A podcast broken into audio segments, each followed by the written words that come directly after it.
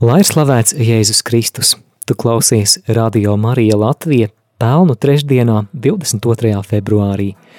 Ir 10 un 11 minūtes. Radio Marija Latvija kopā ar tevi arī lielo gavēni uzsākot. Tā kā pelnu trešdiena diena, kad mēs uzsākam šo ceļu tuksnesī pretī Kristus augšām celšanās svētkiem, ir stingrā gavēņa diena, tad arī rīta cēliens būs mazliet citā formātā.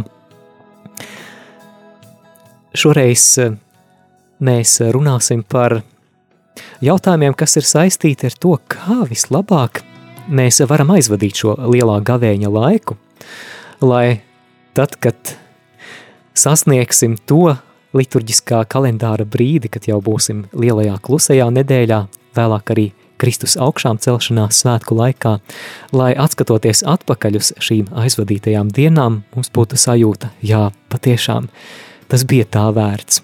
Tas bija tā vērts, un šis ir tas laiks, kas palīdzēja man tuvoties Dievam, vēl vairāk, vēl vairāk viņu iemīlēt, vēl vairāk atvērt savu sirdi gan Dievam, gan savam tuvākajam. Līdz jaunās stundas sākumam mēs klausīsimies gavēņa laika mūziku,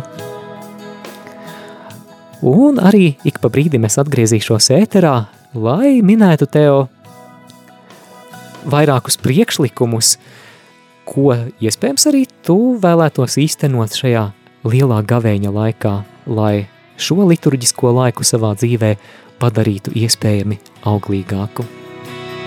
Tad nu par tām lietām, ko mēs varam darīt šajā lielajā gavēnī, ceļojumu cauri kuram uzsākam šodien. Ja visi tevi atstātu, es tevi neatstāšu. Mans pestītāji, kur esi tu, es visur līdzi iešu. Mans pestītāji, kur esi tu, es visur līdzi iešu. Uz kalvariju iešu es ar tevi,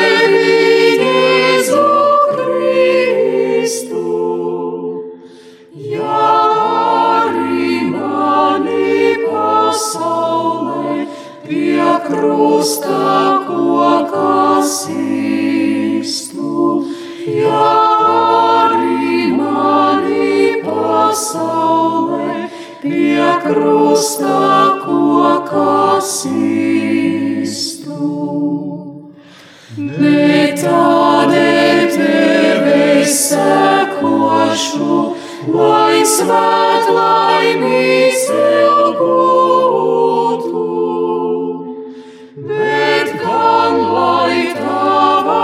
Ciešanas ar tevi vienots būtu. Bet gan lai tavas ciešanas ar tevi vienots būtu. Kad zemes gods un greznība, ja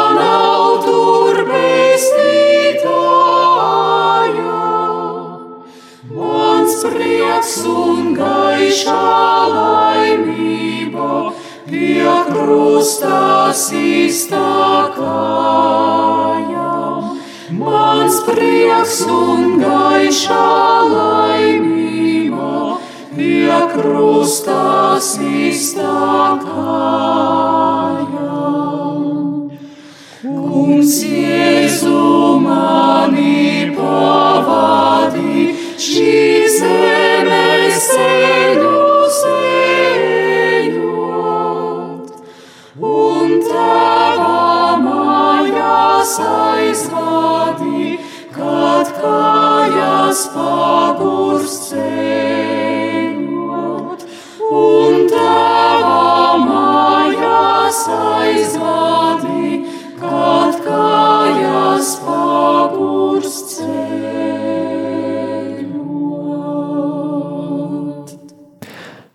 Esam uzsākuši jaunu liturģisko laiku līdz ar pelnu trešdienu, kad uh, mums tiek kaisīti pelni uz galvas, kā atgādinājums par gandarīšanu, kā atgādinājums par to, ka esam kā pīšļi un par pīšļiem paliksim, kā atgādinājums tam, ka esam aicināti atgriezties no grēka un ticēt evaņģēlijam. Šajā dienā mēs uzsākam apmēram 50 dienu ceļojumu cauri tuksnesim. Šis ir lielā gavēņa liturģiskais laiks. Bet ir vairākas lietas, ko mēs varētu pamēģināt šajā lielajā gavēnī, kas noteikti mūsu garīgajā dzīvē, mūsu attiecībās ar Dievu var nest labus un paliekošus augļus.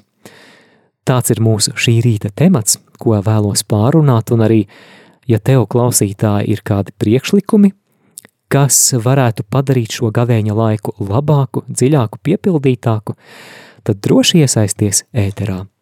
Numurs īziņām un WhatsApp ziņām ir 266 77 272. Savukārt ētera tālrunis 67 969 131. Bet nu daži priekšlikumi – internetā esmu atradis eh, patiešām ļoti daudz dažādu labu variantu, esmu izvēlējies dažus no tiem, par ko varētu pastāstīt, un viens no tiem ir, piemēram, apņemšanās pirms svētdienas mises izlasīt dienas svēto rakstu lasījumus, gatavojoties svētajai misei. Šeit var noderēt lieliskais, brīnišķīgais izdevums, kurš daudziem mums ir mīļš un dārgs, proti mieram tuvu grāmatiņa, arī mieram tuvu mājaslapā, telefonā mēs varam pirms svētās mises izlasīt gan abus lasījumus, gan psalmu, gan arī evaņģēliju, lai tādējādi noskaņotu savu sirdi Dieva vārda liturģijai, lai Dieva vārds daudz efektīvāk varētu trāpīt mūsu sirdī un nest labus un paliekošus augļus, tad pirmais ieteikums ir izlasīt dienas lasījumus jau pirms svētdienas mises. Vēl viens ieteikums. Es domāju, ka daudzi no jums, mīļie klausītāji, arī to plānojat īstenot šajā lielajā gavēnī. Es domāju, ka lielais gavēnis, jā, varbūt arī adventa laiks liturģiskajā gadā ir tas laiks, kad ir vislielākais rekolekciju un garīgo vingrinājumu piedāvājums. Noteikti, noteikti laba iespēja un labs laiks, kad varam veltīt vairākas dienas tikai un vienīgi Dievam, tikai un vienīgi Dievam, tikai un vienīgi savas dvēseles sakārtošanai, un te nu mums var noderēt dalība kādās rekolekcijās. Tādēļ Klausieties radio Marija, noteikti arī ēterā mēs informēsim par iespējām pieteikties, par to, kur un kādas rekolekcijas notiek šajā lielā gavēņa laikā. Manuprāt, tas ir viens no visefektīvākajiem veidiem, kā savu sirdi padarīt šajā lielā gavēņa laikā daudz, daudz jūtīgāku un atvērtāku uz Dievu. Vēl viens ieteikums izmanto šo gavēņa laiku, lai sāktu dežurēt adorācijas kapelā. Jā, ļoti, manuprāt, labs ieteikums. Mums vecrīgā ir adorācijas kapela, iepratim Jēkaba katedrālē, līdzās Latvijas Republikas saimai. Tā ir vieta, kur mēs varam vienkārši atrasties kunga klātbūtnē, evharistiskā kunga klātbūtnē, smelties no viņa žēlastības avotiem, izliet kunga priekšā visu savu sirdi.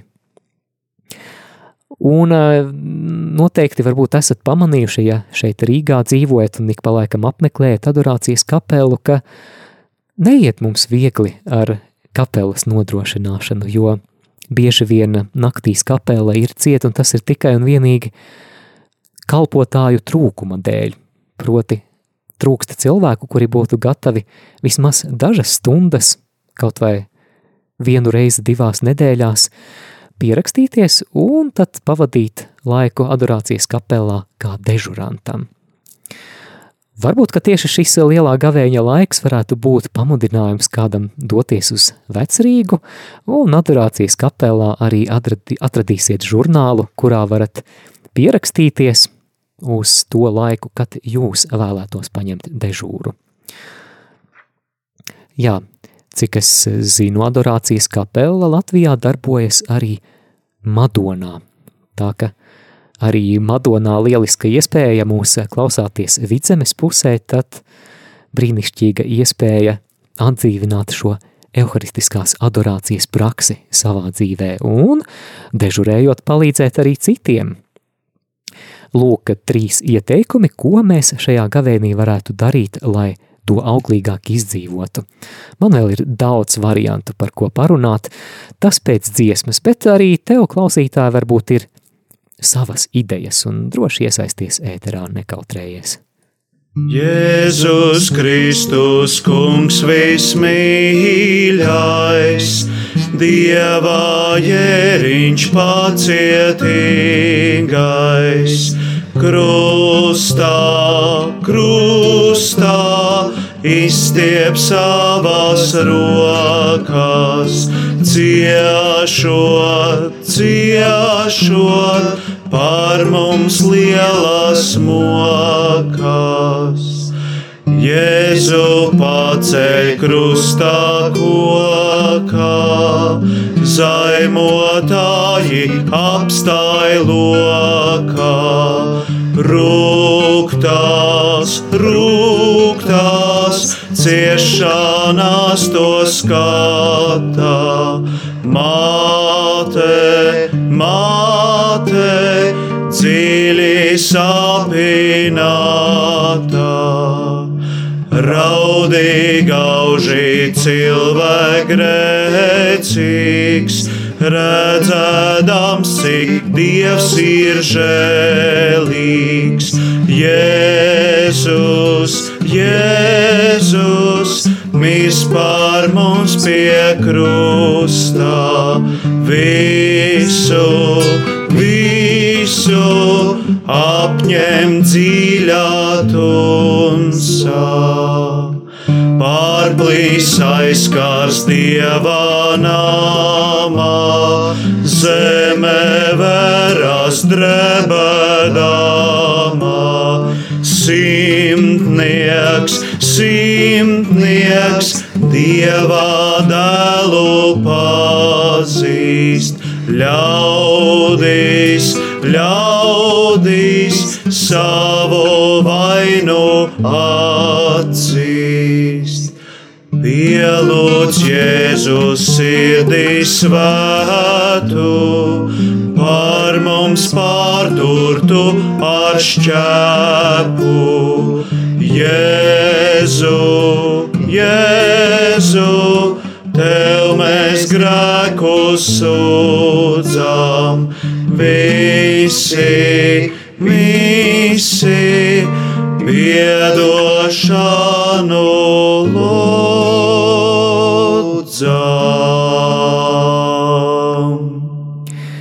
Ilze no Mešciema raksta un piedāvā brīnišķīgu ideju. Viņa raksta, es domāju, katru dienu lūgties krustaceļu. Paldies, Ilze! Patiešām krustaceļš ir lūkšana, ko, pie kuras mēs varam atgriezties šajā lielā gavēņa laikā, un ir vairāki veidi, kā mēs to varam izdarīt. Protams, arī privātajā lūkšanā varam pārdomāt 14 krustaceļa stacijas, bet arī Radio Marija Latvija šajā laikā var būt lielisks palīgs. Es vēlos atgādināt, cikos tad krustaceļa lūkšana būs dzirdama Radio Marija ēterā visu lielā gavēņa laiku. Tiem, kam naktī nenāk miegs, tad nu pēc pulksten trījiem pēc žēlsirdības kronīša būs arī krustaceļš apmēram ap trījiem desmit naktī. Katru dienu krustaceļš arī pulksten 12. pēc kunga eņģeļa un dienas vidus lūkšanas, tad jau, jau no rītdienas mēs šo praksi sāksim, jo šodien pulksten 12. ēterā skanēs svētā mise, kā jau īpaši pieminamā dienā svētā mise no Aglonas bazilikas, bet turpmākajās gavēņa dienās pēc pulksten 12. ikvienam klausītājam ir iespēja iesaistīties krustaceļa lūkšanā. Krustaceļa lūkšana radio Marija ēterā tiem, kam nav ērti to lūgties dienas laikā, tiek piedāvāta arī vakara stundās, proti desmitos vakarā. Un, protams, arī mūsu draudzēs krustaceļš ir ierasta prakse lielā gavēņa laikā, tad varam izmantot šo iespēju. Ir draudzes, kurās krustaceļš notiek pirms svētās mises, tad mēs varam atnākt uz svēto misi agrāk. Kādās citās draudzēs krustaceļš ir pēc svētās mises, tādā gadījumā varam uzkavēties arī ilgāk baznīciņā, lai pārdomātu to, cik liela ir Jēzus mīlestība. Mīlestība, kas iet līdz galam, līdz pat krusta nāvē. Jā, tā ka paldies Ilze par šo priekšlikumu, tad krustaceļš noteikti ir tas, kas palīdzēs mums labāk šo gavēņa laika, laiku izdzīvot. Varbūt arī tev ir kādi piemēri vai idejas. Droši iesaisties ēterā. Numurs īziņām ir 266 77 272. Ja vēlies mūs sazvanīt, numurs ir 67 969 131. Vēl izlasīju arī par šādu ieteikumu – pārdomāt savus naudas tēriņus, izvērtēt, kur tad mēs naudu tērējam, kur mēs to ieguldām, un varbūt ir kāda joma, kur mēs to ikdienā darām par daudz. Varbūt mēs ikdienā daudz tērējam naudas ēdot kādās ēdnīcās vai restorānos vai kafejnīcās, kas eh, nav nemaz slikti, bet tā kā lielais gavēnis ir askēzes laiks, laiks atteikties Dieva godam, tad um, es domāju, ka šī arī varētu būt tā joma, kur, kur mēs kaut ko pārstrukturizējam mūsu finanšu izlietojumā. Piemēram, ja ikdienā esmu pieradis pirkt katru dienu saldumus, katru dienu pērku šokolādes, tad varbūt lielā gavēņa laikā šo naudiņu es varu novirzīt labdarībai. Vai atbalstīt kādu karitas projektu, vai noziedot ziedot LV, vai galu galā kādam uz ielas satiktam ubagam.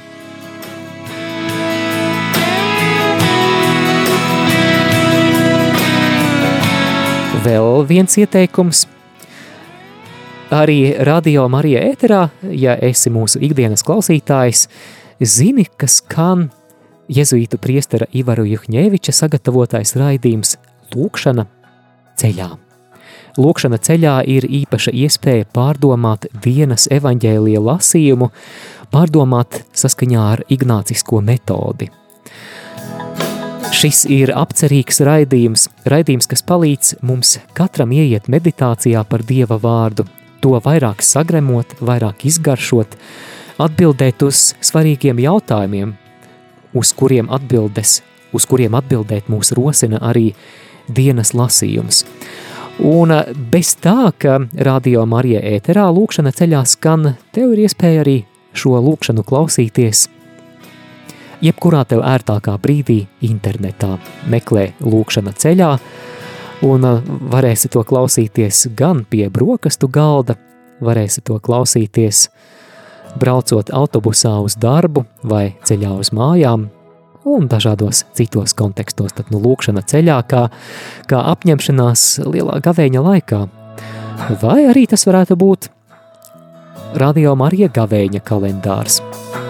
Gavēņa kalendārs skan katru dienu pulksten desmitos, bez piecām minūtēm divos un bez piecām minūtēm 11. vakarā. Savukārt, ja šie laiki tev nav tie ērtākie, ja vēlies klausīties gavēņa kalendāru tev ērtākā brīdī, tad droši abonē, droši pasūti, lai gavēņa kalendārs katru rītu sasniegtu tavu e-pasta pasta kastīti. Kas ir jādara? apmeklē Radio Marija mājaslapu rml.lv un pie attiecīgā raksta par gavēņa kalendāru atradīs arī reģistrācijas saiti. Aizpildi to un tad vari būt drošs, ka katru rītu e-pastā tevi gaidīs brīnišķīgas pārdomas. Lūk, šādi ieteikumi labākam gavēnim. Noteikti, noteikti ir vēl daudz citu, par tiem mēs vēl parunāsim, bet laiks dziesmai.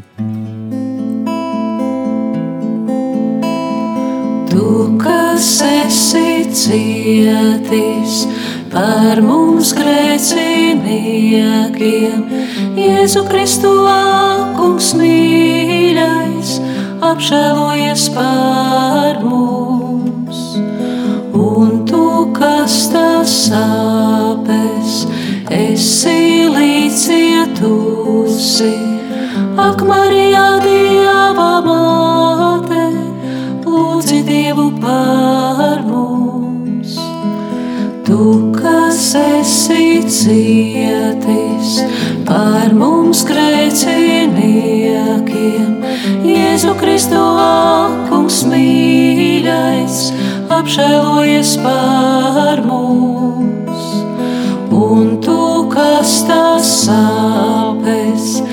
Esi līdzcietusi, ak, Marija, Dieva māte, lūdzi Dievu par mums. Tu, kas esi cietis par mums grēciniekiem, Jēzu Kristu kungs mīļais, apžēlojies par mums. Un tu, kas tas sāpes, esi līdzcietusi, ak, Marija, Dieva māte, lūdzi Dievu par mums.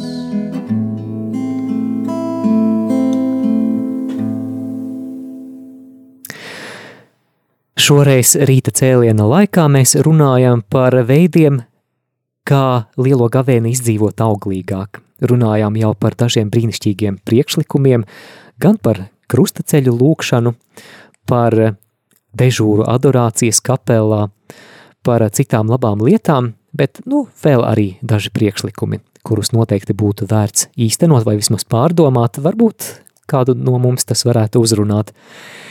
Internetā atrada arī ieteikumu raksti garīgo dienas grāmatu visa lielā gavēņa laikā. Gribējās teikt 40 dienas, bet patiesībā sanāk tad vairāk, jo svētdienas netiek iekļautas un jā, tad sanāk pāri par 40 dienām, bet tas ir brīdis, kad tu lūkšanā vari rakstīt savu dienas grāmatu. Esi kādreiz mēģinājis rakstīt lūkšanu. Dienas grāmatas veidā tu vari Dievam izstāstīt visu, kas tev uz sirds. Tu vari rakstīt savas garīgās pārdomas, kas tev rodas, piemēram, dienas lasījumus lasot. Tu vari rakstīt Dievam tos lūgumus, kuri ir tavā sirdī. Un jā, varbūt arī meditācija, klausoties raidījumu lūkšana ceļā vai gavēņa kalendārā tevi var rosināt uz kādām pārdomām un tās vismaz dažos teikumos var ierakstīt garīgajā dienas grāmatā. Es domāju, ka ļoti skaista garīgās disciplīnas ideja. Ir vēl citi ieteikumi, ko varētu darīt, bet vispirms es, ie, es piebildīšu, ka tas viss noteikti, noteikti nav jāīsteno mums šajā lielajā gavēnī. Mums ir liela izvēle. Tātad tas, ko tu dzirdi šajā raidījumā, tie ir tikai priekšlikumi, un varbūt arī kaut ko no tā tu vari paņemt. To, kas visvairāk rezonē tavā sirdī, to, par ko tev ir sajūta, ka Dievs tevi uz to aicina. Vēl viens, manuprāt, labs ieteikums ir sākt apmeklēt svētās mises arī darbdienās. Ja ne katru darbdienu, tad vismaz reizi nedēļā doties uz baznīciņu, doties uz evaharistijas svinībām, nesvētdienā. Jebkurā darbdienā vai sestdienā, tas vēl vairāk tev palīdzēs iemīlēt evaharistisko Jēzu. Jēzus, kurš tevi pabaros ar savu miesu un asinīm, ar savu vārdu, būs tavs atbalsts šajā tūkstneša ceļā, ko mēs saucam par lielo gavēni. Vēl interesants priekšlikums, ko atradu internetā, nebija par to aizdomājies. Ja tavā dzīvoklī vai tavā mājā nav krucifiksa pie pie sienas, tad vienkārši nopērts lielā gavēņa laikā, un vai nu pieliec pie sienas, vai varbūt ir kāds krucifiks, kas, kas var stāvēt plauktiņā vai, vai uz galda. Tā ir mūsu pestīšanas zīme. Lielā gavēņa laiks ir brīdis, kad mēs īpaši atceramies par to, ka Jēzus sevi nav taupījis, Jēzus sevi nav saudzējis. Viņš ir mūs mīlējis līdz galam. Viņš sevi pilnībā ir izšķiedis mūsu pestīšanas dēļ. Un eh, krusts var būt lielisks atgādinājums tam, cik ļoti tu tiec mīlēts. Ka ir Dievs, kurš ir izvēlējies iet līdz pēdējam, kurš ir izvēlējies izliet savas asinis par tevi. Un, protams, arī krucifiks kā atgādinājums tavās mājās, tavā guļamistabā vai darba istabā, varētu būt arī lieliska vieta, kur lūgties krustaceļa lūkšanu, uzlūko krustu, un tas varbūt var, var palīdzēt vairāk fokusēties uz krustaceļa lūkšanas saturu. Mīļo klausītāji, vai arī tev ir kādas idejas – Kādi vēl priekšlikumi, tavuprāt, ir tā vērti, lai tos minētu šajā raidījumā?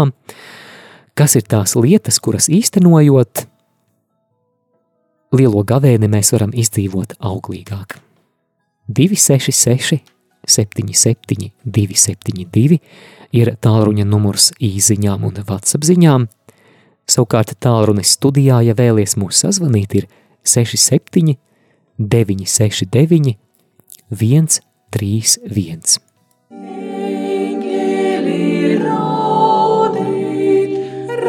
raudīt debes gori, osoras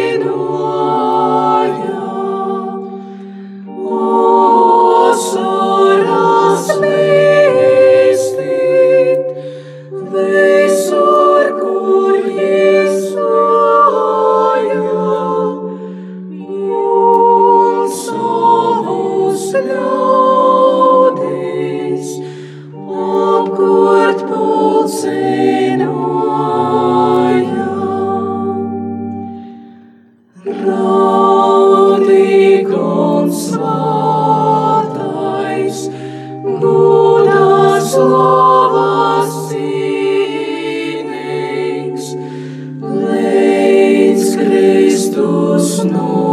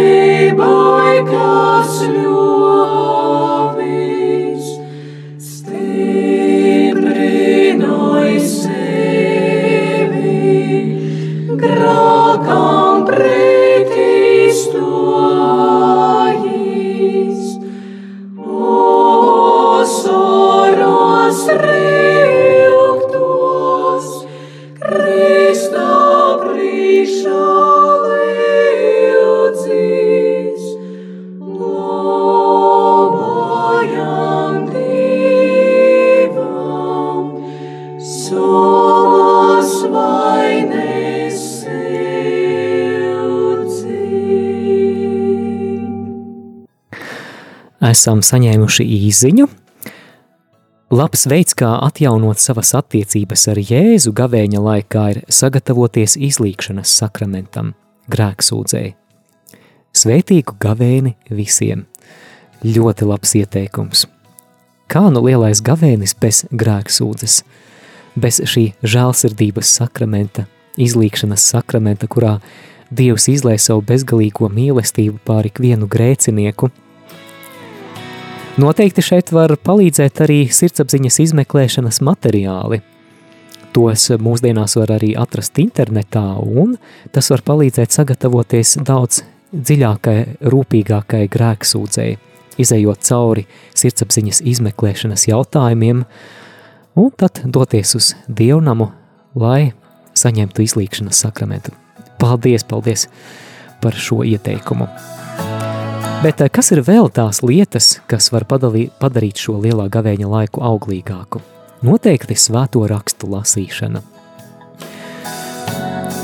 Raidījumā Randiņš ar bībeli jau biju diezgan daudz runājis par to, ka jaunais gads, piemēram, varētu būt tas laiks, kad mēs sākam lasīt bībeli katru dienu, vismaz pa dažiem pantiem dienām. Bet, ja nav izdevies to sākt janvāra sākumā, tad – Tagad, uzsākot lielo gavēni, pelnu trešdienā ir īstais laiks. Kā būtu, ja tu visas gavēņa dienas līdz pat lieldienām katru dienu izlasītu vismaz īsu svēto rakstu fragmentiņu, vismaz dažas rindiņas, bet ar bības, ar lūkšanas attieksmi, ar atvērtu sirdi. Tas nenozīmē, ka bībele nav jālasa arī pēc tam, kad gavēnis būs beidzies, bet varbūt, tieši šis lielā gavēņa garīgais eksperiments, šī apņemšanās var būt kā atspēriena punkts tavām turpmākajām attiecībām ar Dieva vārdu. Tad, nu, lai šis gavēnis ir mūsu atgriešanās pie Dieva vārda lasīšanas. Internetā izlasīju arī interesantu ieteikumu atrast lielā gavēņa laikā kādu brīdi, kad, kad mēs nekur nesteidzamies un izlasīt Marka evaņģēliju vienā rāvienā. Jā, jā, no sākuma līdz beigām, kas patiesībā nav nemaz tik grūti. Jo šis ir visīsākais evaņģēlijs. Marka evaņģēlijā ir tikai 16 nodaļas, taču 16 ļoti bagātīgas nodaļas, un uh, Marka evaņģēlija eksperiments, nosauksim to, to tā, varētu kļūt par brīnišķīgu dieva satikšanas pieredzi šajā lielajā gavēnī. Varbūt tā ir kāda nedēļas nogale, varbūt tas ir laiks, kad tu esi pieteicies būt par dežurantu adorācijas kapelā, kad tu vari nesteidzīgi atvērt svētos rakstus, atrast Marka evaņģēliju un izlasīt visu grāmatu no sākuma līdz beigām. Pēc maniem aprēķiniem pusotrā stundā šo grāmatu var izlasīt. Nav nemaz tik ilgi, vai ne?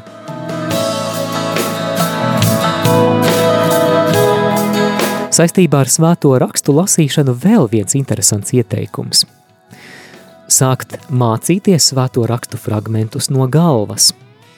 Nevajadzētu apņemties iemācīties vienu svēto rakstu fragmentu dienā. Protams, tas būtu ļoti iespaidīgi, bet visdrīzāk, šo latiņu pacelt mums būs pārāk grūti. Tāpēc jau daudz un liels, liels ieguvums mūsu garīgajā dzīvē būs, ja mēs apņemsimies nedēļas laikā iemācīties vienu rakstu vietu. Izvēlies savus mīļākos bībeles pantus, tu vari izveidot eh, svēto rakstu kartiņas, paņem kādu, kādu papīra lapiņu, labi papīrs varbūt kabatā viegli saburzīsies, bet mazu kartona gabaliņu uzraksti to bībeles pantu, kuru tu vēlēto šajā nedēļā iemācīties, uzraksti arī koordinātes, piemēram, Mateja evaņģēlija 16. nodaļa, 18. pants, un nesā sev vienmēr līdzi šo kartiņu. Ik pa brīdim izvēlas to no maka vai no rokas somiņas vai no kabatas un izlasi šo Dieva vārdu tā, lai tas kļūst par daļu no tevis, tā, lai tas paliek tavā sirdī. Atcerēsimies visvētāko jaunavu Mariju, par viņu mēs lasām vairākās vietās, ka viņa šos vārdus paturēja savā sirdī. Kas gan ir cits Dieva vārda paturēšana, ja ne Dieva vārda atcerēšanās. Un mums ir brīnišķīgs apsolījums pirmajā psalmā par cilvēku, kurš pārdomā Dieva vārdu katru dienu, ir rakstīts, ka šis cilvēks ir līdzīgs auglīgam kokam, kas ir stādīts ūdens malā, kam lapas nenovīst un kam augļu netrūkst.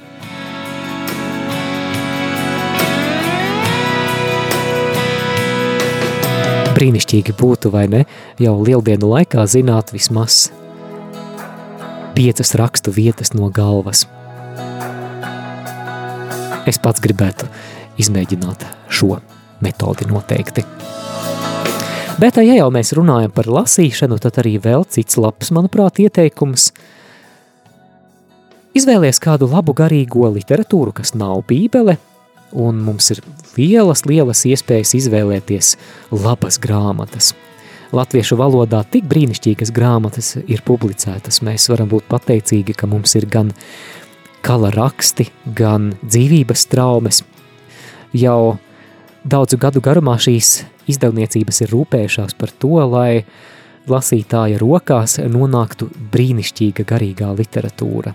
Kādu no šīm grāmatiņām varam uzmeklēt vai nu mūsu grāmatu plauktā, tā varētu būt kāda grāmata, ko reiz esam pirkuši vai ko esam saņēmuši dāvanā, bet nekad nav atlicis laika pieķerties klāt.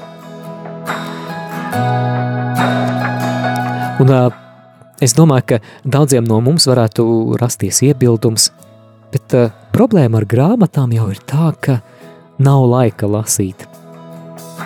No vienas puses jāpiekrīt, ka mūsdienu cilvēka dzīves ritms ir kļuvis ļoti dinamisks, ļoti strauji. Tas līdzinās vienam lielam, garam, intensīvam skrējienam, kad ir grūti atrast laiku, lai elpu atvilktu. Un tomēr tas attiecas ikviena uz ikvienu, kas lieto sociālos tīklus, vai nav tā, ka sociālajiem tīkliem, sēdēšanai internetā, sēdēšanai savā telefonā, mums izdodas atrast laiku. Es domāju, pat ja tās ir tikai piecas minūtes, ko mēs varbūt pirms gulētiešanas veltījam labas garīgās literatūras lasīšanai, tad noteikti, noteikti nebūsim zaudētāji, nebūsim to, vēlāk to nenožēlosim.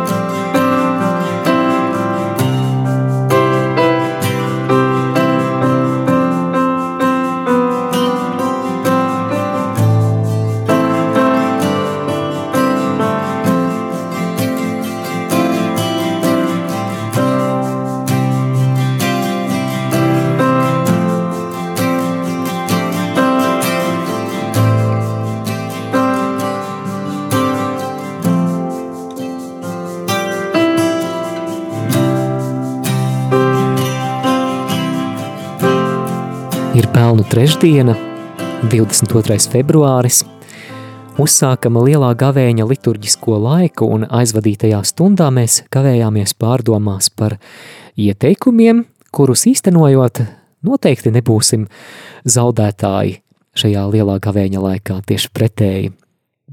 elementāras lietas, kas šo laiku var padarīt jēgpilnāku un piepildītāku. Kāds raksta, paldies par raidījumu, mani uzrunāja ideja par garīgas dienas grāmatas rakstīšanu. Labs veids, kā padziļināt attiecības ar Dievu. Paldies par šo ziņu! Vēl noteikti, noteikti varētu turpināt un turpināt šo ieteikumu sarakstu, bet es vēlos noslēgt ar vienu, kas, manuprāt, arī šķiet ļoti, ļoti vērtīgs. Atrodi laiku lūkšanai kopā lielajā gavēnī. Lūdzies kopā ar citiem, uzaicini savus draugus vai radiniekus pie sevis uz mājām vai, vai kaut kur citur, kādā ērtā vietā, un lūdzieties kopā varat lūgties krustaceļu, varat vienkārši slavēt Dievu, lūgties rožu kroni, dalīties par svētajiem rakstiem. Veidi, kā lūgties, var būt ļoti, ļoti dažādi. Tos paši varam izvēlēties, kā sirds patīk, bet lielā gavēņa laiks varētu būt uzdrošināšanās laiks. Varbūt mums tieši pietrūkst šādas lūkšanu kopienas. Tad mēs kaut ko varam darīt lietas labā un piezvanīt vai uzrakstīt draugiem, negribi atnākt, piemēram, piekdienas vakarā pie manis ciemos un palūkties stundiņu vai pusstundiņu, vai arī kā gars vadīs. Šī ir lieliska iespēja arī atjaunot kopīgu lūkšanu ģimenē, ja tā kaut kur ir pārtrūkusi vai varbūt tā nekad nav bijusi. Lūkšana ar vecākiem un bērniem vai lūkšana starp laulātajiem – pat ja ne katru dienu, tad vismaz reizi nedēļā noteikti.